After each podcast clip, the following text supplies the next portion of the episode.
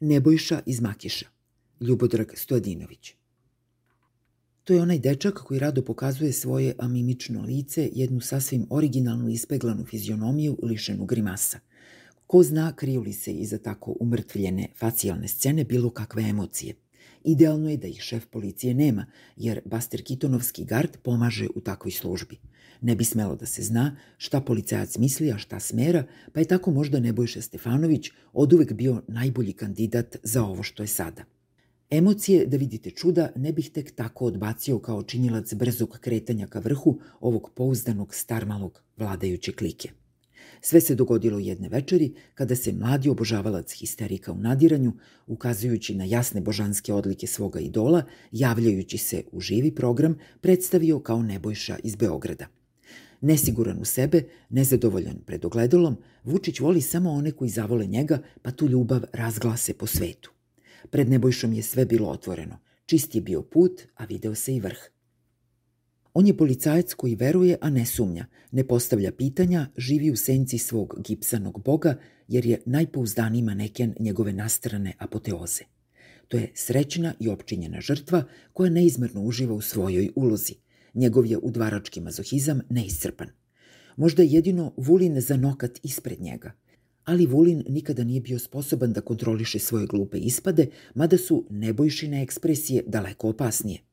Pre dva dana Vučić je postavio svog malog ljubimca na opasno važno mesto, sekretar Saveta za nacionalnu bezbednost. Pre toga je odatle sklonio sebe lično, jer je ta pozicija za predsednika države činilac funkcionalnog rascepa i rukovodeće šizofrenije – Savet jeste dužan da o delikatnim pitanjima državne bezbednosti informiše predsednika, a Vučić više nije u stanju da opšti ni sa samim sobom i nije potpuno ili nije uopšte razumeo suštinu rada tajnih službi. Šta je onda navelo predsednika da građanina NS, trenutno na položaju ministra policije, metne na mesto koje ga dovodi u lagodnu, ali nemoguću poziciju, da kontroliše one koji kontrolišu sve druge – Nebojša je postavljen na čeku, odakle bi mogao da vidi šta to rade službe. No to je samo privid i krupna zabluda. Službe imaju ostvarivu ambiciju da vide sve, a njih niko. Tako je i Stefanović više predmet, a nimalo posmatrač, jer čovek o tom poslu nema pojma, niti će kao sekretar bilo šta saznati. Njegova je moć nesumnjiva, ali još neostvariva. Vučić voli odanost podređenih, ali to je samo prvi uslov za uspon. Ništa nije moguće bez dokazivanja vrhunske lojalnosti. Izmišljeni atentat u Jajincima na premijera i njegovu porodicu bio je idealna scena za uzlet Stefanovića. Obećao je brzu i detaljnu istragu, objavio da se samo u podnožju Avale nalazilo preko 80 opasnih lica. Na konferenciji za medije postrojio je iza sebe specijalce sa dugim cevima i muško-žensku ekipu telohranitelja. Izgledao je kao golobradi vođa bande koji se snebiva i ne zna šta bi sa takvim vođom, niti da ga sledi, niti da beži.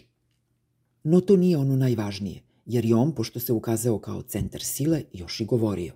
Njegova beseda je bila ritualno dokazivanje odanosti ne samo Vučiću, nego i njegovoj porodici – On, AV, se ne boji za sebe, nego za njih, rekao je nadahnuti ministar. Taj patetični izliv teških i mutnih emocija bio bi nedovršen da Nebojša nije otkrio Vučićevu porodičnu tajnu.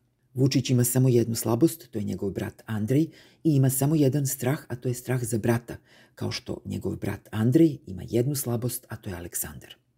Ono što bi moralo da bude pokazivanje legitimne sile države pretvorilo se u potresnu potragu za zaštitom i razumevanjem bratske slabosti prve porodice, a sve to u melodramskom tumačenju tronutog ministra policije.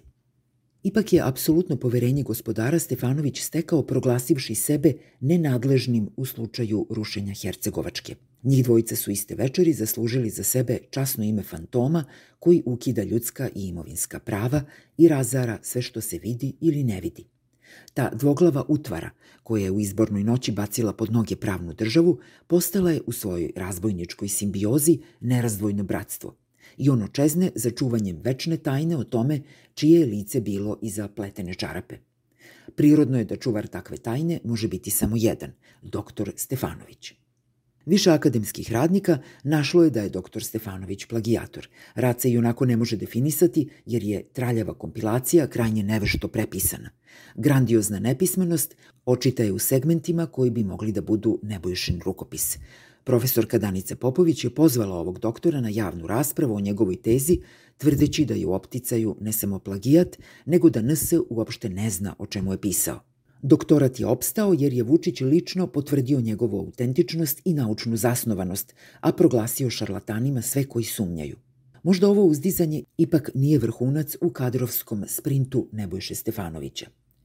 Zar nije Vučić obećao da će do 2019. odrediti svog naslednika ako mu dosadi da vlada? Poput familije Kim, Aleksandra Lukašenka ili danskog kralja. Izgleda da je Nebojša ozbiljan kandidat za princa, dečko koji obećava i daje. Može se od takvog plastelina stvarati i oblikovati figura koja opstaje u lošim i najgorim vremenima. Ne znam tačno koji to dan beše, ali jednom godišnje u Makišu se održava policijski festival, slet sa vežbama snage i spretnosti, pokazivanje moći koja bi morala da ohrabri i uplaši kako koga. Na čelu te parade već godinama je ministar Nebojša, od pre dva dana i stražar nad tajnim službama. Nebojša iz Makiša postaje nečitljivo lice zgodno za sve funkcije, oslonac režima, dika familije, ugledni naučni radnik vlasti, čuvar sile – onaj što ume beskrajno da voli. Čovek koji sasvim sigurno stasava i zri, postaje neizbežan, nasušan i opasan. I izrasta u još jednu Vučićevu slabost koja kod vođe izaziva osjećaj spokoja i pouzdanja, ali i strepnje, neverice i neobjašnjive jeze.